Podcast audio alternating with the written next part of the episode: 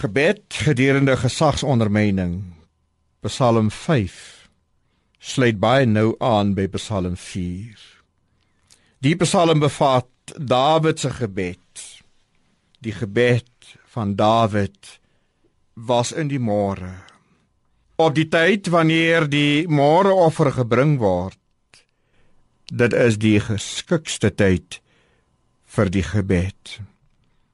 En die môre moet ons ons gebed voorlê soos offers moet ons dit voorlê. Hier word die gebed met die môreoffer vergelyk. Tydens hierdie môregebed sal die Here, die verbondsgod, luister na jou en hy sal jou versigtiging hoor. Dit is dieselfde God wat die jammerklagte van die kinders van Israel gehoor het en hulle verdrukking gesien het.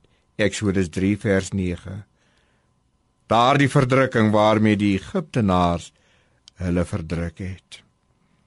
Dawid gaan na die tempel. Daar stort hy sy hart uit en sy teleurstelling.